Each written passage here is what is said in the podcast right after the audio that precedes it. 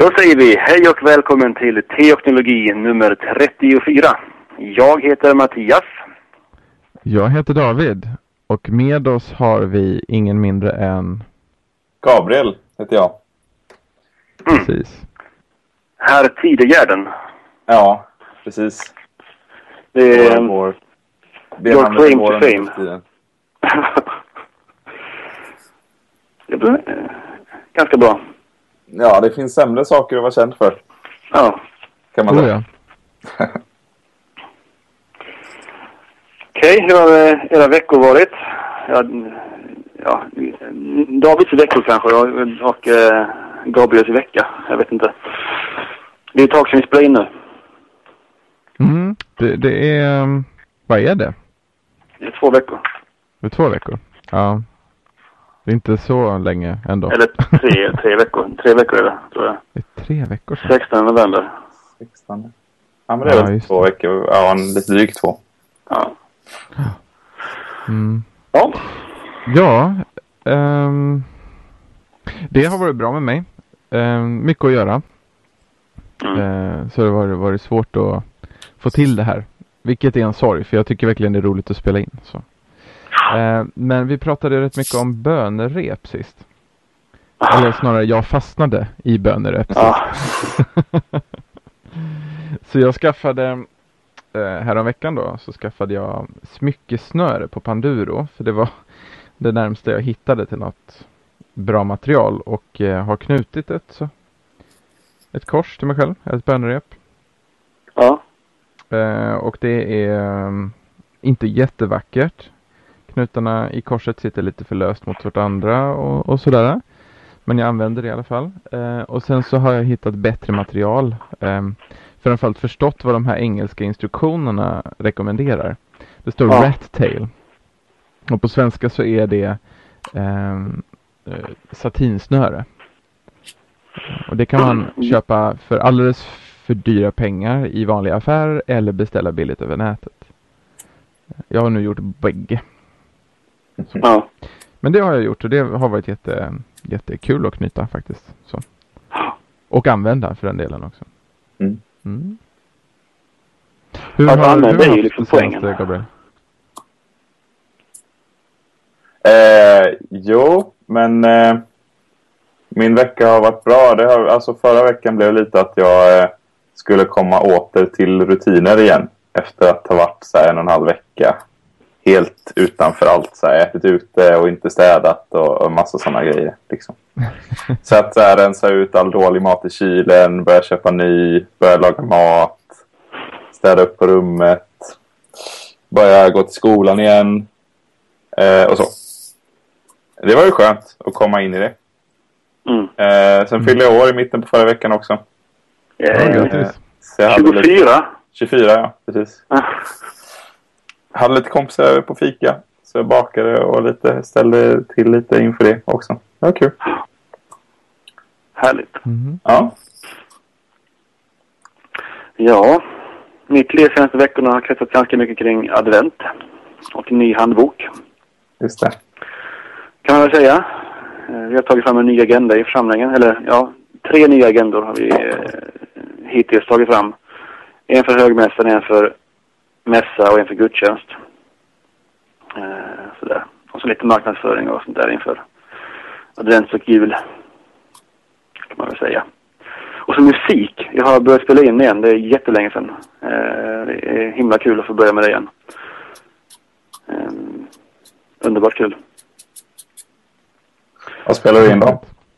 Eh, ja, jag, jag spelar in gitarr och sång kan man säga. Mm. Sådär. Egna låtar? Det är, Eh, vad sa du? Egna låtar? Eh, både och. Ja. Det jag har lagt ut än så länge har varit eh, jag har lagt ut en hel låt. Jag vet inte två. En la jag ut i inte, oktober och sådär. Men det var inspelat med iPhonen så det var liksom inget, Mm. inget att lyssna på. Men jag har lagt ut en, en låt som eh, är vet inte, en cover kanske. Eh, eventuellt. Jag vet inte riktigt. Jag har tagit en melodislinga från eh, Brokeback Mountain soundtracket och gjort om till en, eh, en eh, rocklåt kan man väl säga, eller något sånt. Postrock-låt. Och den ligger ute på Soundcloud och på icompositions.com. Mm.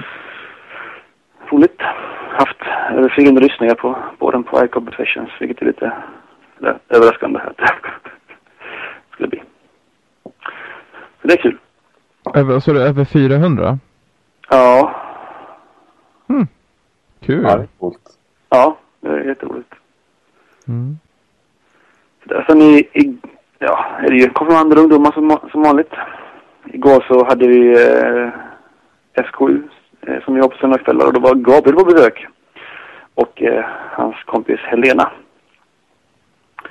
Och eh, berättade och diskuterade med oss. Det var väldigt roligt. Ja, det var Det jättekul. är smarta ungdomar du har där ute alltså. Ja, det är ju det. Jättekul var det. Ja. Det var inte många igår kväll, men eh, det kanske var lika bra. Ja, kanske. Ja.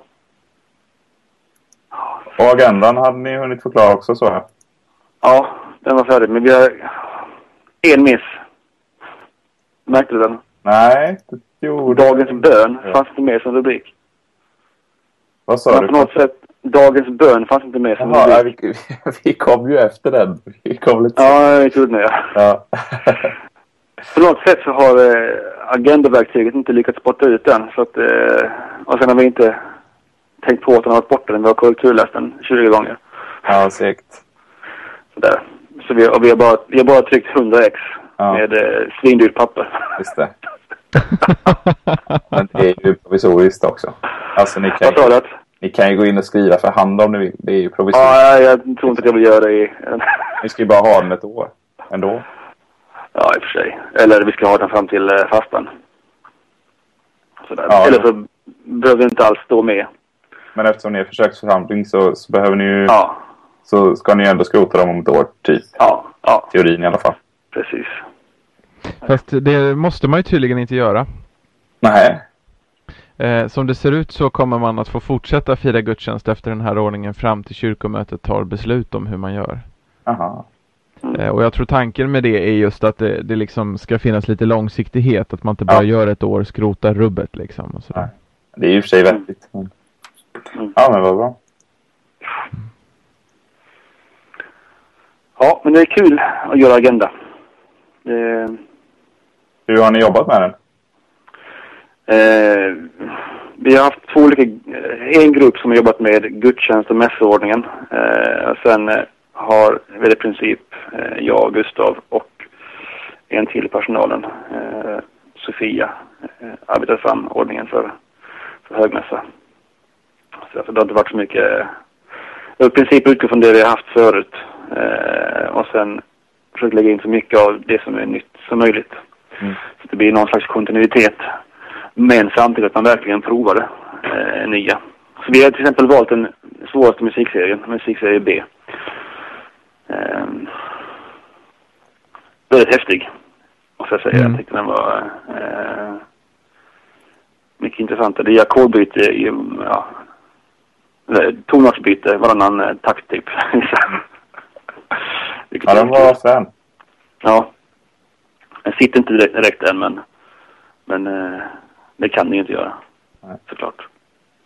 Går man in på svenskakyrkan.se kyrkohandboken eh, då kan man hitta eh, länk till att lyssna igenom serierna. Ja. Mm. Det är bara tips om man är intresserad som lyssnare alltså. Ja.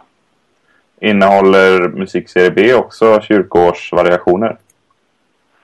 Eh, i- Nej. Nej, jag tror inte det. Nej, det gör det Det inte. är bara A som gör det. Ja, visst är det det. Ja. För A är Mm. det som varit innan. Liksom. Den vanliga. Ja. Ja, precis. Precis. Den kanoniska. Ja. Ja. Så- Sen har vi väl eh, varit en liten redaktion som har jobbat med eh, formgivningen av, av agendan. Och det är väl det vi har jobbat mest med egentligen. Så att det ska vara mycket, mycket enkelt att se var man som, eh, som gudstjänstdeltagare ska eh, liksom vara med Mm. på olika sätt. Vi har jobbat mycket med, med, med typografin och, och färg och sådär. Och bilder. Mm.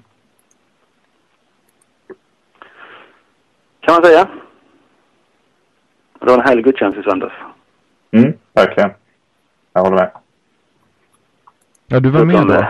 Ja, precis. Det var ju innan, eller eh, högmässan på kvällen var ju innan ungdomsgruppen också. Så att eh, vi kom ut eh, ja, kvart över sex eller så. En kvart in. Ja. Vi kom till textläsningarna. Det var antingen det eller kvart i. Och då eh, blev det så.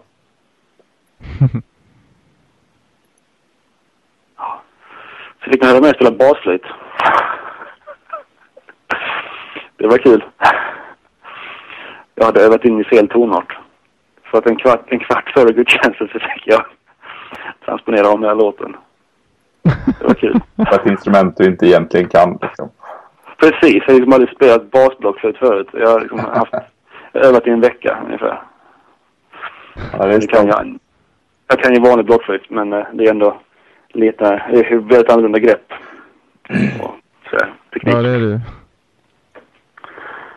Ja. Men vi, ska vi prata om eh, det vi pratade om igår kväll på S7? Lite om eh, ditt engagemang som, vad det nu hette, kristen aktivist. Ja, eller vad man nu ska säga. Ja. Ehm. ja, men absolut. Ska vi börja med DMM eller? Ja, det kan vi göra. Ja. Alltså jag är med i ett nätverk som heter Dessa Mina Minsta. Eller DMM om man vill förkorta det. Eh, som är ett... Eh, det heter att det är ett aktionsbaserat eh, flyktingnätverk på kristen grund. Eller något sånt där. Mm. Kristet aktionsbaserat nätverk som sysslar med flyktingfrågor. Ja, något sånt.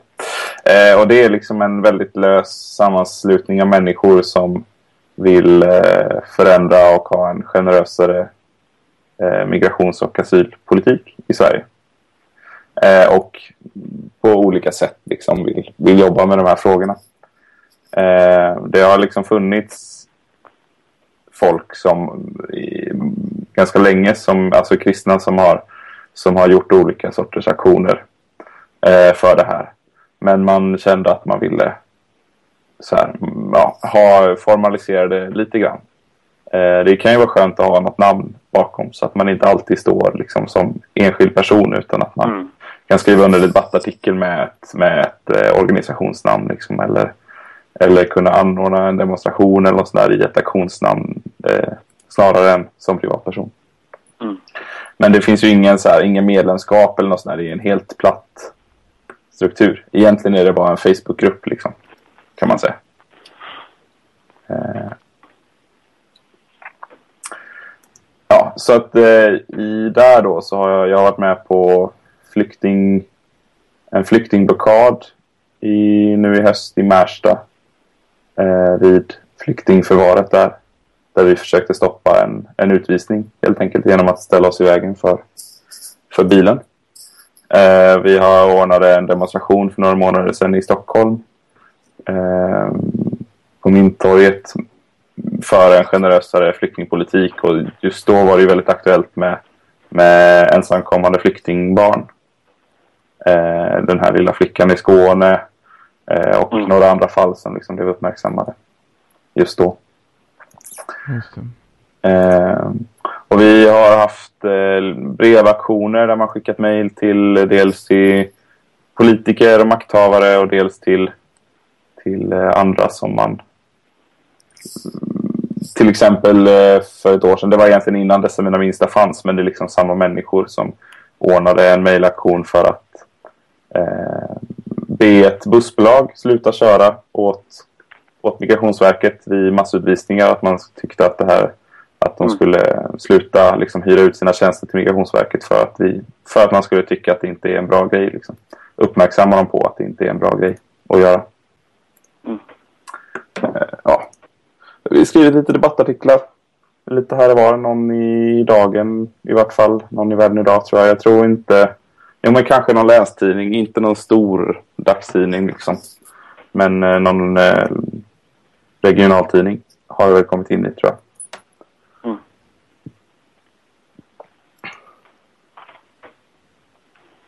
Så det står att det sker en utvisning imorgon. Ja, jag såg det. Eh, Jonas. mm. Eh, jag såg det. Jag vet inte riktigt. En namninsamling har ju cirkulerat runt. Mm. Eh, Tänkte jag skulle lägga upp den i feeden. det är ju många... Det råder ju en eh, oenighet kring hur säkert det är att vara kristen i Afghanistan och Irak till exempel. Ja. Eh, där ju många som är på väg att utvisas och som utvisas menar att det går liksom inte att vara öppen med sin tro. Man riskerar förföljelser och så. Och Migrationsverket menar att ja, men det är lugnt. Mm. Det, det går att vara kristen där. Det är inte lätt att veta vem man ska tro på såklart. Nej. Och det känns då spontant kanske man ska ta det säkra för det osäkra. Eller? Mm. Det kan man ju tycka. Ehm, absolut. Och det är också någonting som varit ganska upprörande i kristna kretsar den senaste tiden. är är de här eh, när de ska bedöma liksom hur kristen en person är. Bedöma och så här. De har ju gett helt sjuka frågor ibland. Eh, så här, teologiska frågor som, som eh, ibland varit helt felaktiga och ibland varit helt verkligen över, över gränsen för vad man kan tycka att en kristen ska behöva veta bara för att man blivit kristen. Mm. Ja. så här liksom förhör. Men det var också någon konstig om så här hur, vilka tre lärjungar som Jesus tyckte bäst om eller något sånt där. Jesus närmaste, något sånt där. Och jag menar det Ja, det finns ju inte riktigt... Vad ska man svara på det? Det är inte någon kunna svara på. David, Gabriel och Mattias såklart. Precis. Naturligtvis. Jag vet inte riktigt exakt vad det var. Men det var så här, ja, det finns inget riktigt svar på den frågan. Nej. Nej. Det blir ett intressant samtal eh, efter att ni hade presenterat eh, det för mina minsta och eh, alltså er väg till ert engagemang. Eh, och vi hade ju en, eh, en ja, sån här fyrhörningsövning eller fyrsoffsövning där vi eh, fick diskutera olika, olika frågor. Och det var, eh, jag tyckte det var ett, ett bra samtal om just eh, varför eh, vi eh, engagerar oss i saker överhuvudtaget. Eh, om vi blir tvingade till det på något sätt. Eh, om det skulle vara bra om vi blev tvingade. Alltså det var liksom någonting i oss som, som tvingar oss att, att göra det. Om det bara är liksom Mm. att göra någonting för att göra någonting. Mm. Mm. Ja, jag tyckte också det var väldigt intressant. Ehm, vi hade förberett några liksom så här etnis, e, vad heter det, etiska frågor. Mm. Eh, som dels handlade om vad, ska man göra någonting om man ser någonting som är orätt liksom? Agera då. Måste man? Måste man? Är man skyldig liksom? Är det skyldigt att agera om du ser någonting som är, någonting som är fel? Eh, var ju den första frågan vi liksom pratade om. Det var ganska så tillspetsad fråga. Och vi fick ju verkligen olika svar på det. Ja, verkligen. Eh, och på ett sätt så sa, just den frågan tyckte jag att alla egentligen sa samma sak. På ett eller annat sätt. Olika, ni satt i... med, ja, med olika infallsvinklar. Att det är klart att man ska göra någonting. Mm. Men, men, men frågan är eh, både varför, Mm. eh, hur och eh, ja, varför och hur, kan man säga. Alltså, vad driver mitt engagemang mot det som är fel och för det som är rätt? Eh, är det att någonting är fel? Eller är det för att jag vill göra någonting rätt? Alltså är det en piska eller är det liksom en morot på något sätt? Ehm, Precis. Och det är ju svårt liksom rent, ur en rent teologisk aspekt också. Alltså, mm, vi ska ju följa lagen, men liksom vi ska följa lagen för att vi älskar Jesus så mycket så att vi gör det ändå. mm. Precis. Från snart Och-. Ja, vil- vilken lag talar du om nu?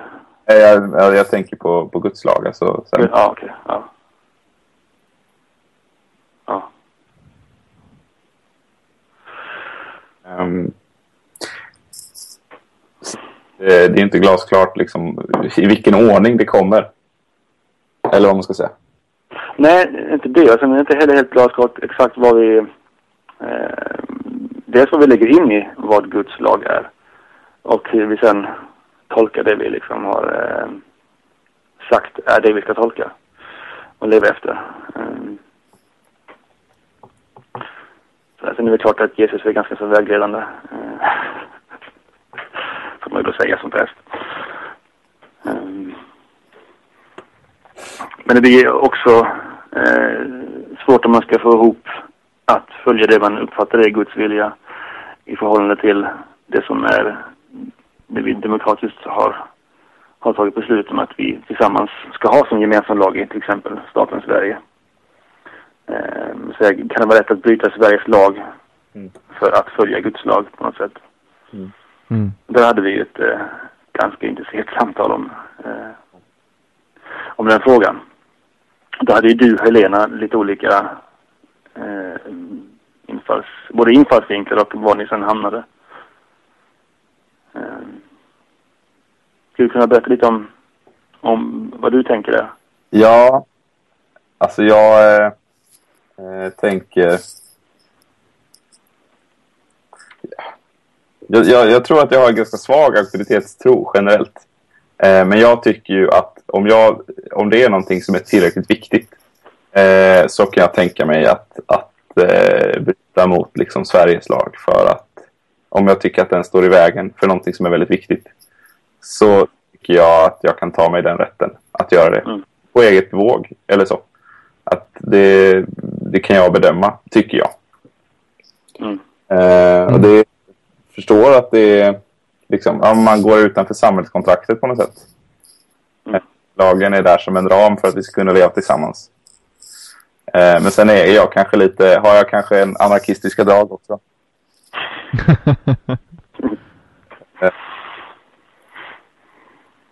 men, ja. Ja, det är, inte, det är inte givet och det är viktigt att man tänker på det. Eh, liksom. Mm. Men jag tycker, ja det är ju såklart en omöjlig klyscha att säga att Guds lag står över människans lag. Liksom. För man kan, problemet är att mitt resonemang kan ju rättfärdiga precis vad som helst. Liksom. Det beror på att man gör riktiga bedömningar.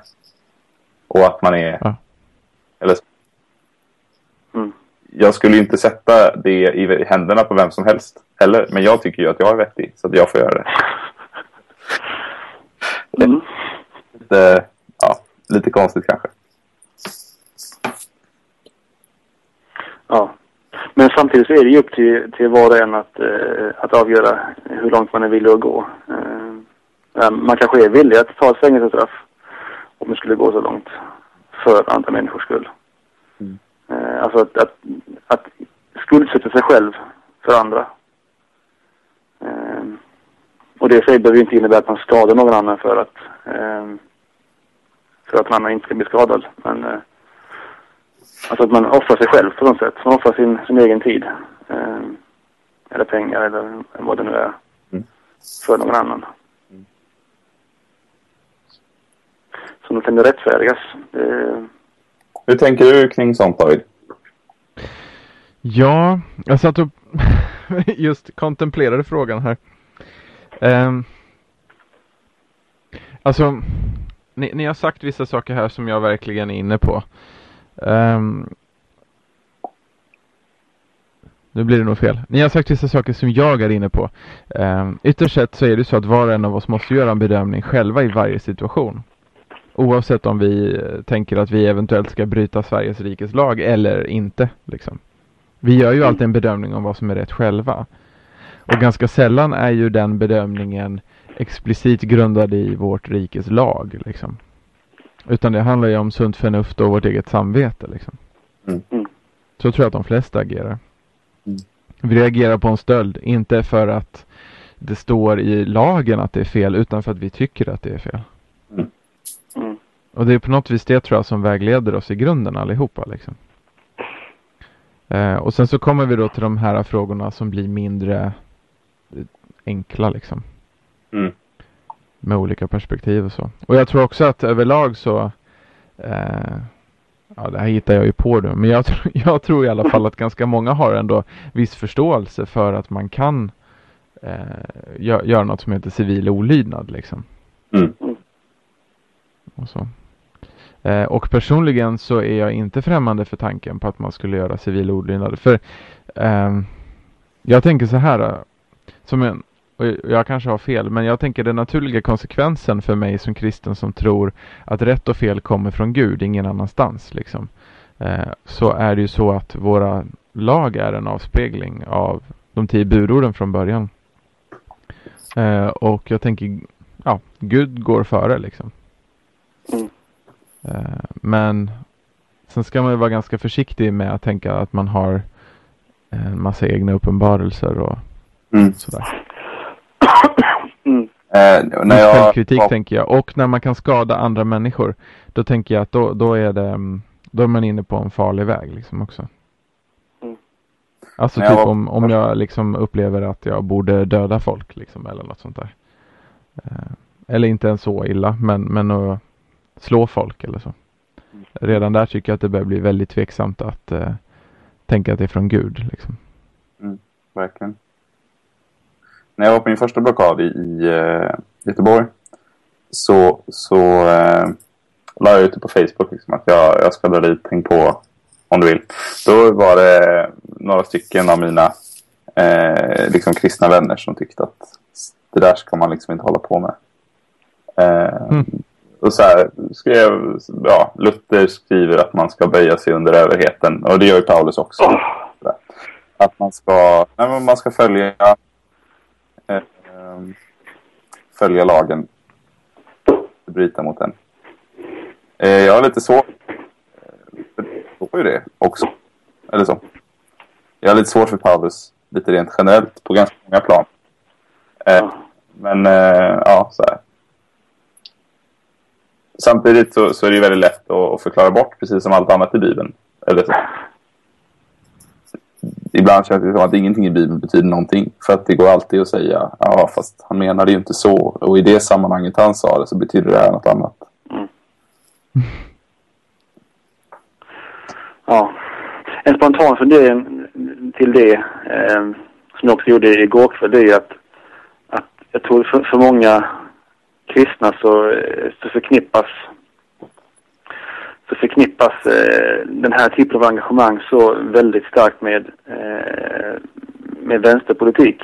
Mm.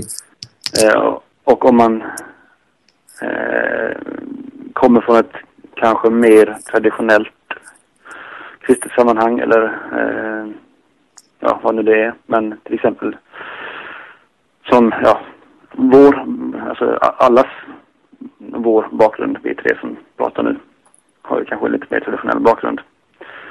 Um, så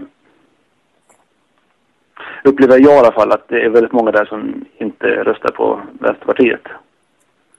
Uh, och det kanske inte alls stämmer, men det är liksom den uppfattning jag har fått. Uh, och jag har själv haft uh, den uppfattningen att, att det här är liksom vänster, vänsterteologi och vänsterpolitik och blaha blaha. Och därför inte kunna ta det på allvar. Eh, sådär, men eh, nu är det snarare tvärtom att jag känner för att fördjupa mitt engagemang i, i sådana här frågor för att visa på att det inte hör ihop med blockpolitik. Utan att det handlar om medmänsklighet bara. Det, det handlar om att, att följa Jesus. Mm. Det har inte med politik att göra.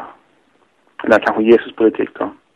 Som inte är varken vänster eller höger. Jo, jag tänkte just på det med partipolitik där. Alltså att eh, man, man, kan ju, man kan ju tänka att sånt här hör mer eller mindre hemma i, i en viss partipolitik. Liksom, eller så. Alltså Mm. att en viss typ av politik stämmer bättre eller sämre överens med kristen tro. Det finns ju rätt många som tycker det. Mm. Ehm, och min poäng var väl lite att jag tycker att vi ska försöka skilja väldigt mycket som kristna på våra partipolitiska åsikter och vår kristna tro. Eh, och inte ha för stor lojalitet mot partipolitik. Och jag tycker jag ser det väldigt ofta bland kristna, att man har det åt båda hållen. Mm. Mm. Det är många i, mina i mitt flöde på Twitter inte minst, som alltså deras politiska åsikter är så otroligt tydliga eh, och präglar liksom Jag tycker att det verkar prägla tillbaka Alltså, på, det, de politiska åsikterna är inte ett utflöde av den kristna tron bara, mm. utan det är också så att den, deras kristna tro verkar präglas av partipolitik. Liksom. Mm. Kan jag tycka. Mm. Och jag är inte vänster partipolitiskt sett. Eh, men, men tycker att väldigt mycket av det här har väldigt stora har, har väldigt stor relevans och känner att det är sånt som jag också skulle behöva fördjupa mig mer i och ta mer tid till. Liksom. Eh, och jag vill inte att någon form av eh, alltså samhörighet med en viss, eh, block, ett visst block eller så skulle hindra mig från att följa Jesus. Liksom. Nej. Så. Nej, alltså rent eh, om man ser empiriskt så kan man ju se att, att olika kristna har varit väldigt olika. Eh, eller har tyckt väldigt olika eh, politiskt. Eller så. Mm. mm. Många varma kristna som har varit på helt olika sidor i olika politiska, liksom, både vänster höger men även i andra äldre politiska mm. motsättningar eller vad man ska säga. Så att det är uppenbart att, att det kan få uttryck liksom i, i, i sakpolitik på väldigt olika sätt. Mm. Och det är som det ska vara. Ja, absolut. Det är så demokrati funkar liksom. Mm.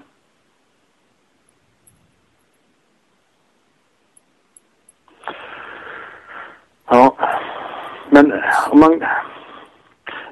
Det var ju den första frågan som vi, som vi fick eh, prata om igår kväll, det var om, det om man måste eh, ingripa och, och, vad det skulle innebära. Vad var alternativen där? Det var den soffan? Jag tror att det var eh, dels ja. ja och nej. Eh, och dels var det ja om det inte gynnar mig själv. Är jag skyld... Nej, om jag, om jag kan göra det utan att riskera eh, liksom mig själv. Ja, visst ja. Eh, så är jag skyldig att ingripa. Eller att, ja. att reagera tror jag det var. Om man ska gå på ord. Ja, reagera var det. Skyldig att reagera. Ja. Och sen fast en öppen soffa. Och visst, frågan leder ju om man skulle ställa den på sin spets så leder den ju av liksom ordförvirringar. Vad innebär att vara skyldig någonting? Vad innebär att reagera? Ja. Mm. Det var på något sätt den, de definitionerna som drev samtalet ganska mycket. Mm. Mm. Eh, på ett positivt sätt. Mm. Alltså, eh, det är väl klart att... Det är klart att vi, alltså om jag, jag sätter mig i ja-soffan. Det är klart att vi är skyldiga att reagera mot det som är fel. Mot det, och för det som är rätt. Det är för mig fullkomligt självklart. Eh, men sen... Eh, vad man lägger in i ordet... Alltså, det har ju vissa negativa konnotationer, ordet skyldighet. Mm. Eh, och det reagerade ju en del mot. Och, och tänkte att eh, jag måste ju vilja det. Jag kan inte bara göra för att jag ska göra det. Eh, utan att jag måste, jag måste vara medveten om varför jag gör saker. Eh, alltså inte, inte bara att, att min motivation är därför att jag ska göra det. Utan för att jag eh, det är ett utflöde av min tro. Sådär. Men det tänkte, tänkte jag att det kan väl också, alltså även om man har eh, den inställningen att man har en skyldighet, Det innebär inte att vi gör det hela tiden, eh, såklart. Som Paulus säger att mm, det goda jag gör, det gör jag inte och så vidare. Um, alltså även om man, om man har det som inställning att vi är skyldiga, vi har en skyldighet att agera eh, och reagera mm. mot och för saker. Så um, om man vänder sig mot det menar jag, eh, då är risken att, att man bara gör det som är bekvämt. Mm. Eller att man, man kanske gör precis samma sak. Men att det som vi inte råkar ha gjort, alltså det som blir en del av det vi tänker att man reagerar mot eller för, att det försvinner på något sätt. Att eh, plötsligt, är det en, plötsligt är det så att vi inte är skyldiga att göra vissa saker därför att vi aldrig gör det. Eh, förstår ni vad jag... Alltså det blir liksom en perspektivskiftning. Att om vi bara gör det som vi känner att vi har en kallelse att göra, att det vi känner att vi vill reagera mot eller för, så är det en del aspekter som kommer att försvinna. Eh, en del Mm. skyldigheter alltså. Eller en del, ja. Samtidigt så, så går det ju inte att agera mot allt. Eller jag menar, man går ju runt i en jävlighet hela tiden liksom. Som man inte Ja. kan göra något åt. Ja. Eller, Men om man slutar se det som en jävlighet. Eh, alltså, om man inte tänker att eh, vissa saker har vi en skyldighet att reagera mot. mm, Då har man ju på något sätt satt ett värde vid det. mm, Att det är inte lika jävligt. mm, X har inte lika jävligt som, eh, som Y och därför så gör jag någonting för Y. Eh, då har man plötsligt nedvärderat en viss del av det vi är skyldiga att göra. kanske är det så. Och plötsligt är vi inte skyldiga längre. Mm. Ja, jag vet inte men. Alltså vi, vi har ju som i syndabekännelsen en del i världens bortvändhet från Gud. Liksom. Och den är ju väldigt Mm. stor och komplicerad. Ehm, men det ska ju inte heller vara en ursäkt för att vara lat, tänker jag. Nej. Nej. Men det är ju en skillnad på det. Eh, att liksom använda, använda otillräckligheten som en ursäkt för att inte agera. Och att försöka agera men man, man kan inte göra allt liksom. Mm. Mm. Alltså det, det jag tänker är att, risken är att det blir en perspektivförskjutning som är otrevlig. Mm. Ehm, sådär. Men det är en principfråga. Alltså, så, I slutändan så, så blir ju blir frågan till oss, vad gör du för dessa mina minsta? Mm. Såklart. Oavsett vilken princip, alltså vilken, eh, vilken grundinställning du har, så är det ju det som är frågan som Jesus ställer oss på domens dag. Mm. Vad har du gjort för dessa mina minsta? Och där kommer vi ju alla Ja. att inte ha gjort tillräckligt. Yes, Liksom. Vem är ni? absolut.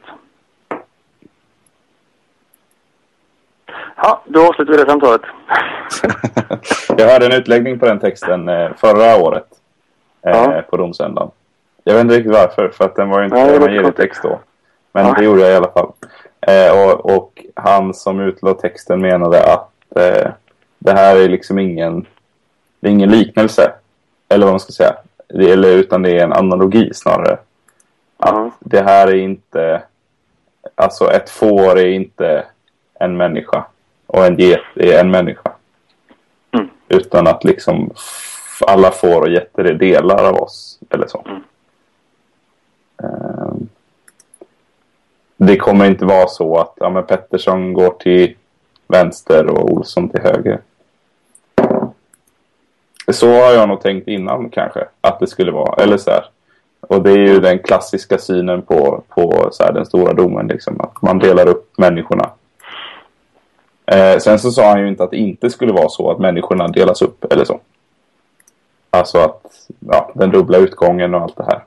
Mm.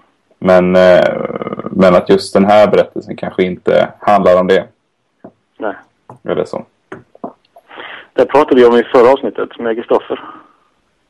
Lite. Mm. Ehm, Jag kommer just in på det också att, det, att domen kanske är mer en, en reningsprocess än en domsprocess. Att Mm. det som är sjukt i oss ska liksom försvinna. Mm. Ehm, Det måste bort innan vi kan gå in i den eviga glädjen. Mm. Ehm, Att det är det som är domen. Just det. Sådär. Ja, det är lite jobbig text. Helt klart. Den är väldigt, väldigt svårpredikad. Jag tänkte mig. Predikade du David? Ja. På domsöndagen. Vad sa du? Ehm, jag var i det märkliga läget att jag skulle predika två gånger den dagen. Varav den Ja. andra gången var en gospelmässa där det var på förhand bestämt att episteltexten skulle vara den enda textläsningen. Mhm. Eh, Men efter den evangelieläsningen kan jag inte på högmässan som är tidigare på dagen bara strunta i evangeliet liksom heller. Eh, Men det gjorde att jag inte riktigt kunde ta texten head-on på samma sätt liksom. Nej. För att jag hade inte tiden att förbereda två helt olika predikningar. Mm. Så jag var tvungen att försöka göra en predikan och sen gjorde jag ett slags inledning ehm, om evangeliet liksom. Mm. Och så. Men där gjorde jag det på ett ganska, på ett sätt fegt sätt, eller snarare undvikande sätt.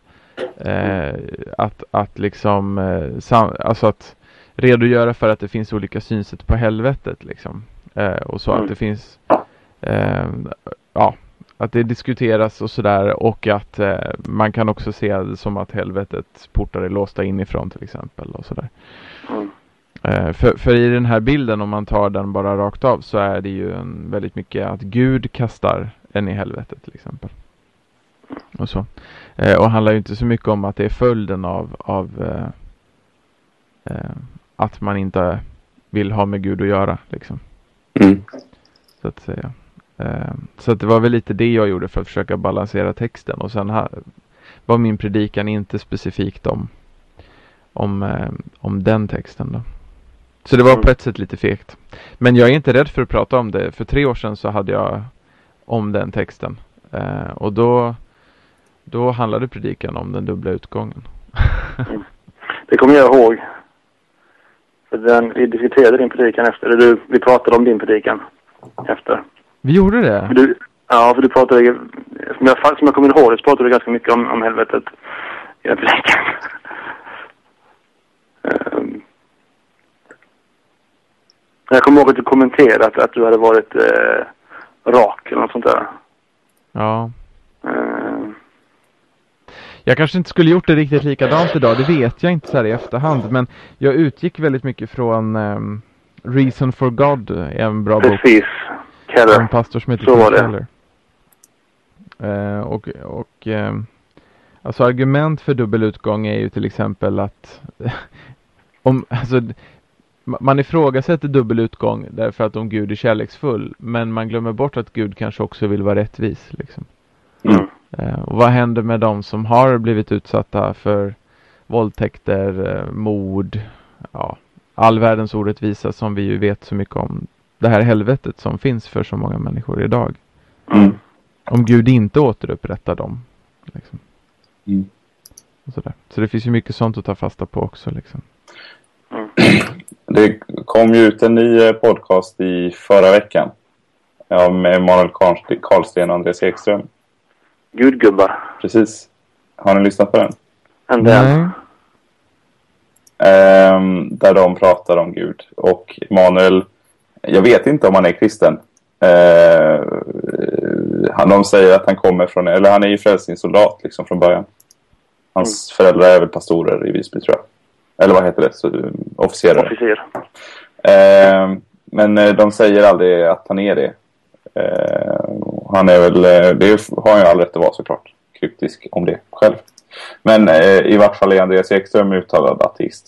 Han är ju kulturjournalist på Sydsvenskan i vanliga fall.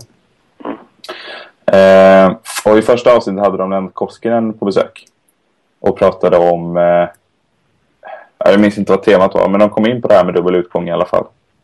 Eh, och Koskinen sa att att han tror att eh, det inte finns något helvete. Eh, men däremot att man kommer liksom få välja om man vill vara med Gud i den eviga saligheten eller inte. Och att liksom alternativet är att, att dö. Liksom. Mm. Att alternativet är, ja, men som ateisterna tror, att det, man ja, finns inte mer. Liksom. Det eviga utslocknandet liksom. Precis. För att han sa att det funkar liksom inte med en, en gud som för evigt pinar. Tyckte inte han. Mm. Det är skitsvår fråga det här. Jag och min kyrkvärd, vi pratar eh, ungefär en gång per år brukar vi bli ovänner. Samma med domsöndag. Nej, inte ovänner, men vi, eh, ja, vi gnabbas kan man säga. Pikar varandra ganska tätt. Ehm, så, i, personligen har jag extremt svårt att se, att få ihop bibeltexterna. Eh, utan möjlighet eh, till eh, ja, att det finns två eh, tillstånd efter döden. Mm. Eh, oerhört svårt. Eh, och för, framförallt så det vi kanske bråkar om mest är eh, jag vill inte outa min, min kyrkoherde. Eh, Han har inga, inga konstiga åsikter alls. Men just det jag har haft svårt med när det gäller eh, en, en, universalism som löper amok på något sätt. Att alla blir frälsta. Det är eh, på något sätt att eh, då gör vi oss till Gud. Vi säger vilka som eh, vilka Gud ska frälsa på något sätt. Men eh, det kan vi inte. Vi, vi kan inte säga att eh, det finns ett helvete. Vi kan inte säga att det inte finns ett helvete. Vi kan inte säga att det finns en himmel. alltså, det är Guds. Mm. Det är Guds eh, territorium. Mm. Vi ska inte klampa in där. Det vi, det vi kan hjälpa till att leda människor till idag. Eh, det är en sak. Men eh, vad som händer efter döden, det, är- det är inte vår sak. Mm. Alltså det, ja, det är en komplex, komplex fråga. Samtidigt så talar Jesus både om himmel och helvete. Oh ja. Och det är därför jag säger att vi, vi kan liksom inte... Vi kan inte säga bu- bu- bu- bä liksom på något sätt. Nej, precis. Ja, Jag känner att jag skulle behöva sätta mig i, alltså ta ett nytt tag i den frågan på något vis. Lite börja om. Mm. För jag är väldigt nyfiken på hur C.S. Lewis får till det med sin syn. Ja. Som jag uppfattar är ett icke-evigt helvete liksom. Mm. Typ skärseld. Det Ja, tilltalar mig väldigt mycket. Men jag Ja. vet inte liksom vad det finns för teologisk grund. Mm. Det är lite där, alltså i förra samtalet så var det med Kristoffer så var det i princip där jag landade att, att katolikerna har rätt. Eh, Jo, fast de tror på ett helvete också. Ja, jag vet. Mm. Eh, men skärselden är liksom ingen del av en luthersk teologi kan man säga. Nej. Nej. Där, ja, ja. Det tilltalar mig väldigt mycket. eh, I den här redningsprocessen. Att eh, agnarna som ska skiljas från vetet, det är, det är en del av var och en av oss. Det är inte vissa människor som är agnarna. Utan det är det som är ont i oss. Det som är, som är dött. Det måste få dö bort på riktigt, helt och hållet. Ja, Katoliker talar väl inte rent teologiskt? Det är, skärseld är väl ingen teologisk term utan en folklig term va? också? De talar väl om, vad heter det, purificatum eller något sånt där. Alltså en Ja. mening. Eh, just det här med eld det är liksom inte teologiskt fastlagt att det ska vara. Nej. Som jag har förstått det. nej. Det är väl eh, antagligen i relation till vissa bibliotexter som det Mm. har kommit. Det är ju i Sverige vi säger så också. På engelska säger man ju purgatory. Just det, purgatorium heter det. ja. Mm. Mm. Så heter det. Vilket ju just är en angliserad version av latinet där. då. Mm. Mm. Just det. Mm. Hur kom vi in här? Ja, och jag. Var det som mina instick? Mattias. Ja, nej, men just den bibeltexten. Ja. Som, eh, ja, det, var, det var ditt fel, Gabriel. Det var mitt fel. Allt är mitt fel. Ja, fy vad skönt. Uff. Eh, just det. Nej, men just att, eh, ja, det var, du hade hört en utläggning om den för ett år sedan. Mm. Så var det. Just det. Det var där vi var.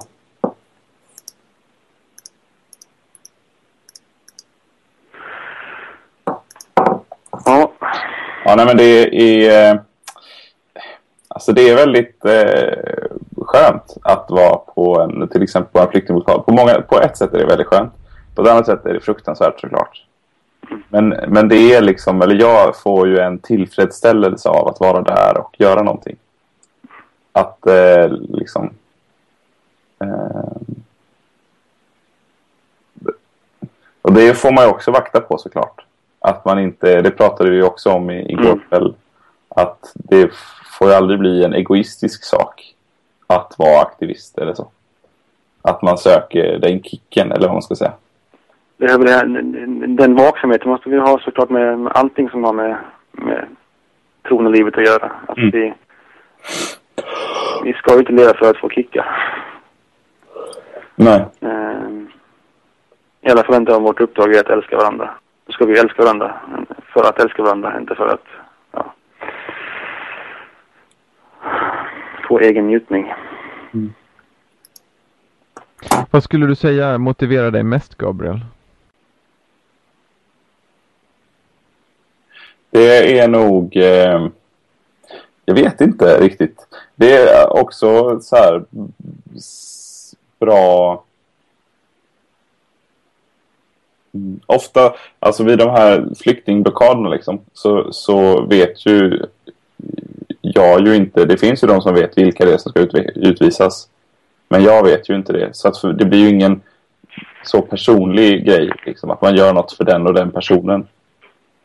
Ibland har man hört några historier om dem, liksom, att ja, men det är en, en, eh, en eh, homosexuell kille som ska utvisas till Iran som Mm. inte eh, så här, kommer klara sig där. Eller sådär.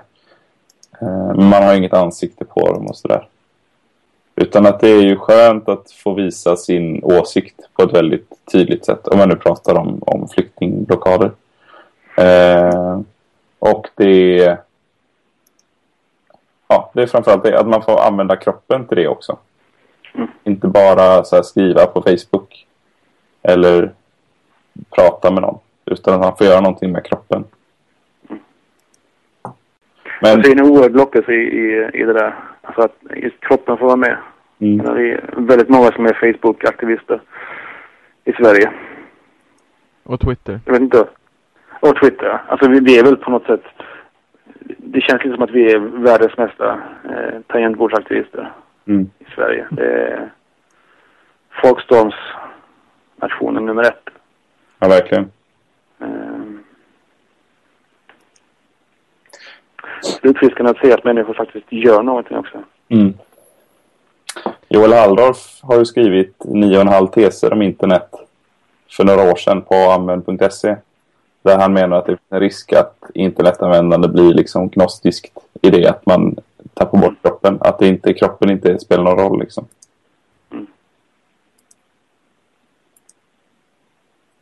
Det ligger mycket i det. intressant. Mm. Vi kan, kan lägga upp länken till den i shownoterna. Mm. Ska vi köra Ökenfäderna eller? Mm. Tre av fäderna brukade årligen besöka den salige Antonius. Två av dem brukade rådfråga honom om sina tankar och om själens frälsning. Men den tredje förblev alltid tyst och frågade inte om något.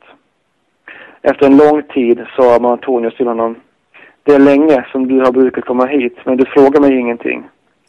Den andra svarade För mig är det nog att, för mig är det nog att se dig, fader. Mm. Den var fin tyckte jag. Jättefin. Det ligger jättemycket i den tycker jag.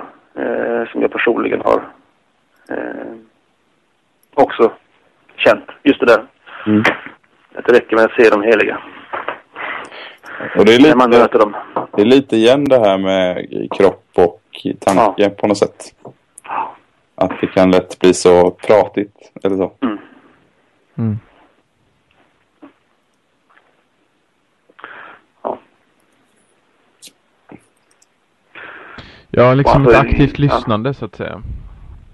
Ja. Ja, dels det och dels att det liksom finns andra värden än att lägga ut teologiska saker. Någonting så enkelt som att se på någon liksom. Mm.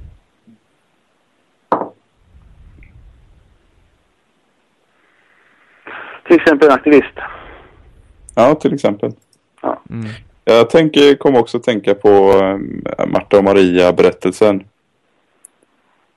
Eh, står, det något, står det att Jesus liksom utlade skriften?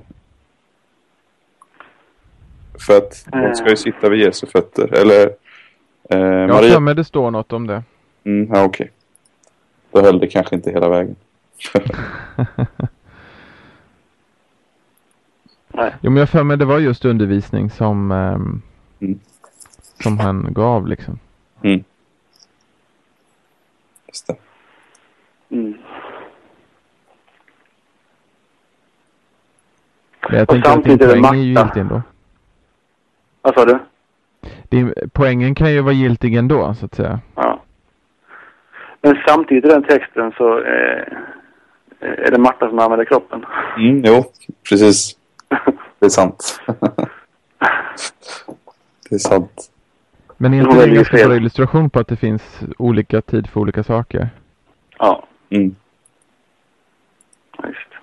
Absolut, och eh, det pratade vi ju också om igår att den eh, djupaste formen av kristen aktivism är ju att be. Liksom. Mm. Mm. Eh, det förändrar mer än vad man tror tror jag.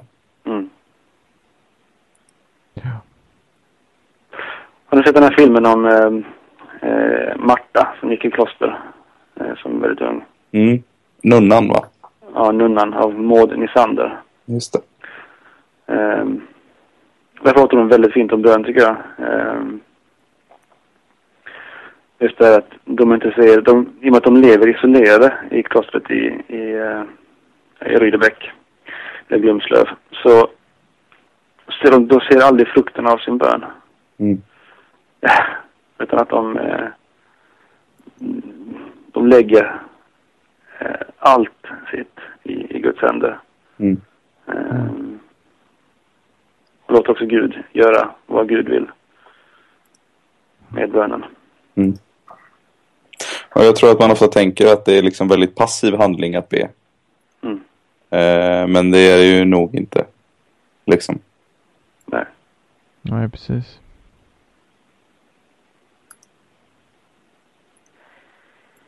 Nej.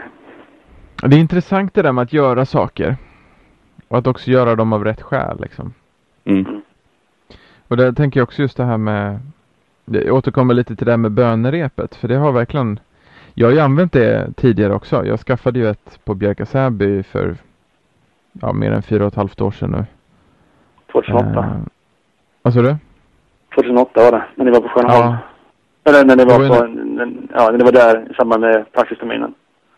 Precis. Vi var där innan vi Det blev var då, det var då jag skrev min, eh, mitt examensarbete klart. Jaha. Nej, vänta, det gjorde inte alls. Jag skrev ju eh, Romarbrevet. Så var det. Ja, Okej. Go on. Men eh, då skaffade jag det i alla fall. Så, så jag har ju haft sen förut och, och jag har ju använt det också perioder av och till och sådär. Men, men det jag kan tycka är styrkan med det, det är just att det är den där väldigt enkla bönen som man säger om och om Mm. igen och som väldigt lite är en prestation. Mm. För många gånger kan jag känna att, att bön kan bli en prestation. Mm. Eh, och om jag känner mig a- i andligt god form så känner jag mig ganska nöjd över mina böner. Och om jag känner mig andligen ganska ur form så känner jag mig dålig. Mm. Vad jag än säger till Gud. Och problemet med båda de situationerna är ju att jag är fokuserad på min egen prestation. Mm.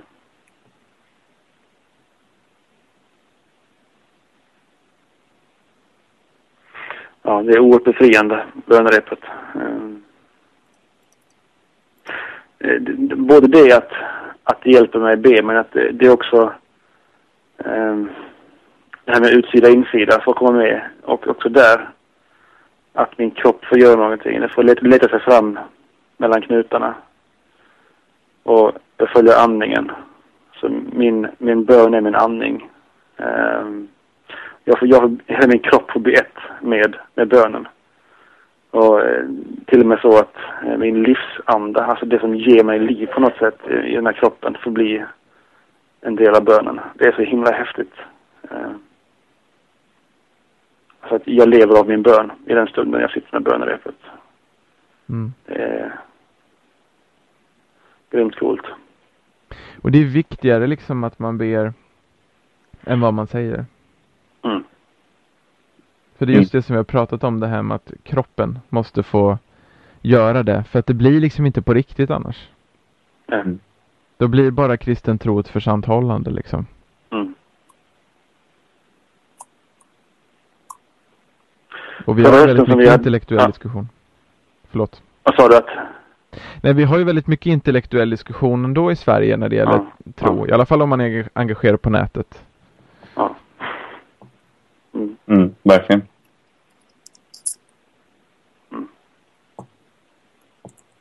Och jag tror också att det där blir en slags negativ feedback till oss själva.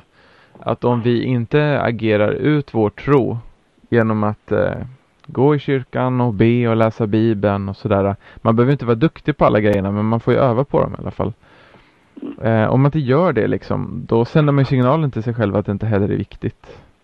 Mm. Jag tror det är samma sak med aktivism eller liksom de olika delarna av utloppet för kristen tro. Liksom.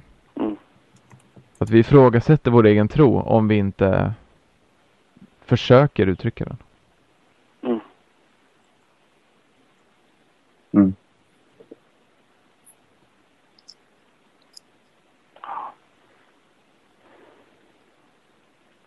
Håller ni med liksom? Mm. Mm. Det är hela ens uppväxt på något sätt du beskriver. Känner jag. Eh, nej, men från det att man liksom blev på något sätt mer medvetet kristen eh, och själv var tvungen att ta ställning till om jag ska gå i kyrkan eller om jag ska be en aftonbön eller om jag ska prata med mina kompisar om, om min tro när de frågar eller och så vidare. Så det... Ja. Det, det blir så himla lätt prestation. Mm. Eh, istället för liv.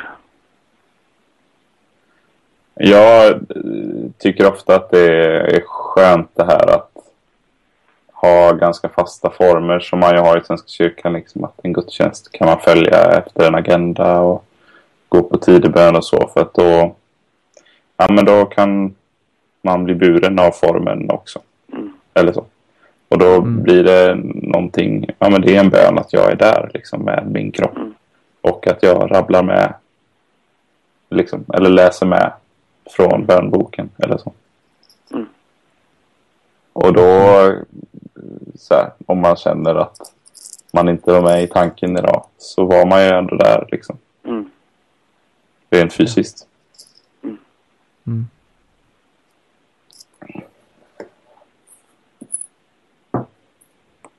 Kanske det också är ett, eh, en sån här grundläggande aktivisthandling, att gå gudstjänst. Alltså att, att, att vara en del av den världsvida gemenskapen som, som vill verka för världens bästa.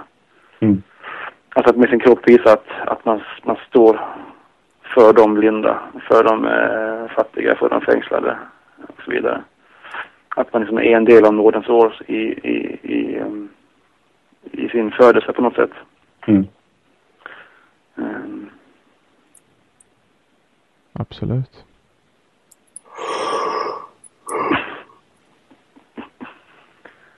någon som är trött? Ja. Det är okej, det får man vara den här tiden. Det brukar vi också vara. Ja.